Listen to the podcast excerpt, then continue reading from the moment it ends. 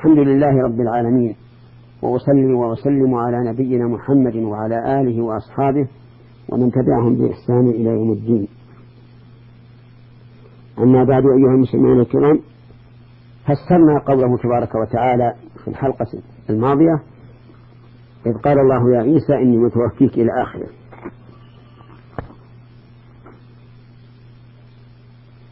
ثم انتهينا إلى ذكر الفوائد. فنقول وبالله نقول. في هذه الآية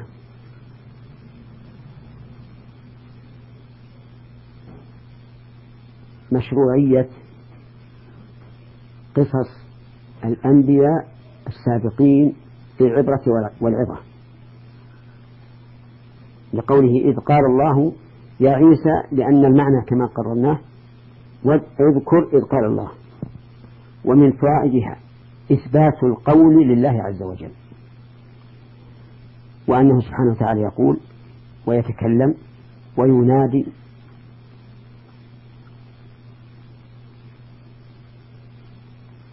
وقوله عز وجل من صفاته وصفاته غير مخلوقة وعليه فيجب علينا أن نثبت أن الله تبارك وتعالى يتكلم ويقول وينادي بكلام حقيقي مسموع بحروف. لأن هذا هو معنى القول في اللغة العربية التي جاء بها القرآن. وقد ضل من قال إن الله سبحانه وتعالى لا يتكلم وإنما يخلق كلاما يعبر عما في نفسه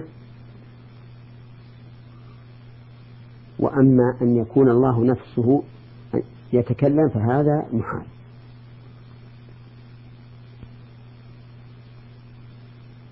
وهذا عين الضلال. أن يحكم الإنسان على ربه بعقله. في أمور غيبية. موقفنا فيها التسليم. دون التحريف. ثم أي عقل يمنع أن يكون الله يتكلم حقيقة؟ أي عقل؟ إن أي إنسان يمنع أن يكون الله يتكلم حقيقة فقد بنى على غير على غير دليل عقلي. لأن الكلام من صفات الكمال. فعلى من ابتلوا بنفي الكلام عن الله عز وجل أن يتوبوا إلى الله عز وجل وأن يرجعوا إليه. قبل أن يفجأهم الموت. ثم لا يستطيعون الخلاص على كل مسلم أن يؤمن بأن الله يتكلم بكلام حقيقي بصوت مسموع وحرف.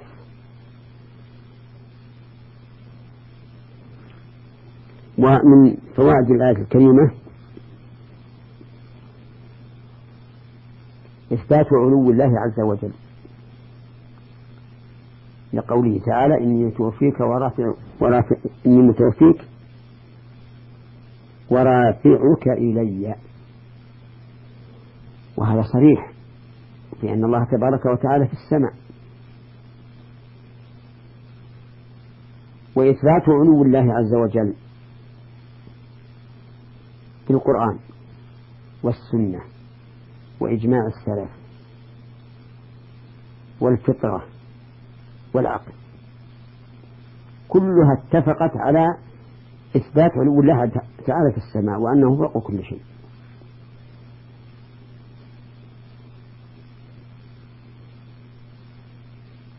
دون أن يحصره مكان. لأن الله تعالى وسع كرسيه السماوات والأرض.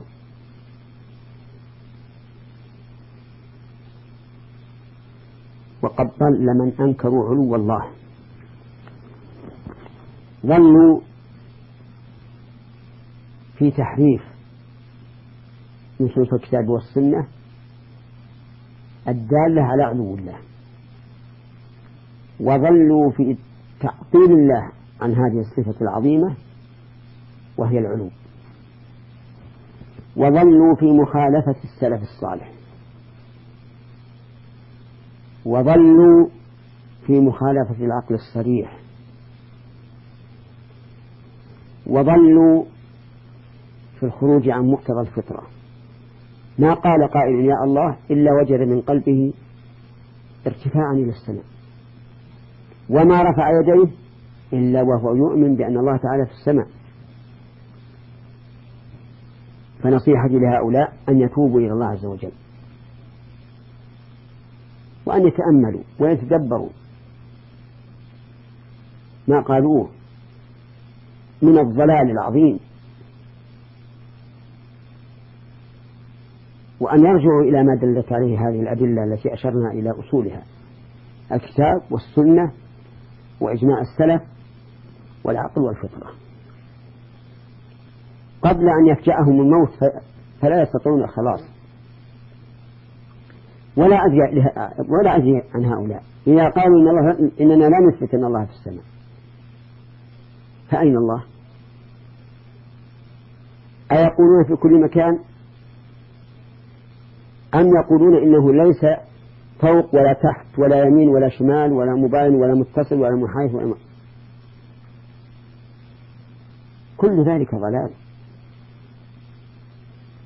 ويا سبحان الله كيف نقول إن الله عز وجل في كل مكان؟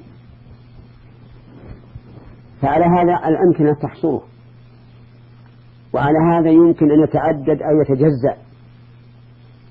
لأنه يكون عند الإنسان في حجرته وعند المصلين في مسجدهم وعند أهل السوق في متجرهم وفي السفن في البحار وفي الطيارات في الأجواء وفي ال... في السيارات في البر. يعني كيف كيف يكون هذا؟ الله أكبر. أن ينتهي عقل الإنسان لهذا ثم نقول يلزم على قولهم هذا القول الباطل المنكر العظيم. أن يكون الله تعالى في الأماكن القذرة والعياذ بالله. لأنه في كل مكان. وإن قالوا لا في مكان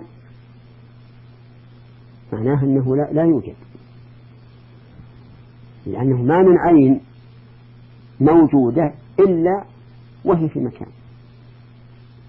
أين تكون؟ إذا لم تكون فوق ولا تحت ولا يمين ولا شمال ولا أمام ولا خلف أين تكون؟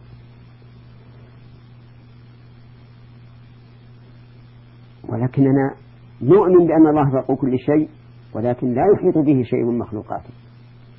ومعلوم أن ما فوق الكائنات عدم ما في شيء. حتى نقول إنه يحيط بالله عز وجل لو أثبتنا علوه أكرر نصحي لهؤلاء الذين ينكرون أن يكون في مكان والذين يقولون أنه في كل مكان أن يتوبوا إلى الله. نصيحة مخلص. وأن يرجعوا إلى الرشد قبل أن يفجأهم العذاب من حيث لا يشعرون. وإلى هنا ينتهي بنا القول. في هذه الحلقة وإلى حلقة قادمة إن شاء الله. والسلام عليكم ورحمة الله وبركاته.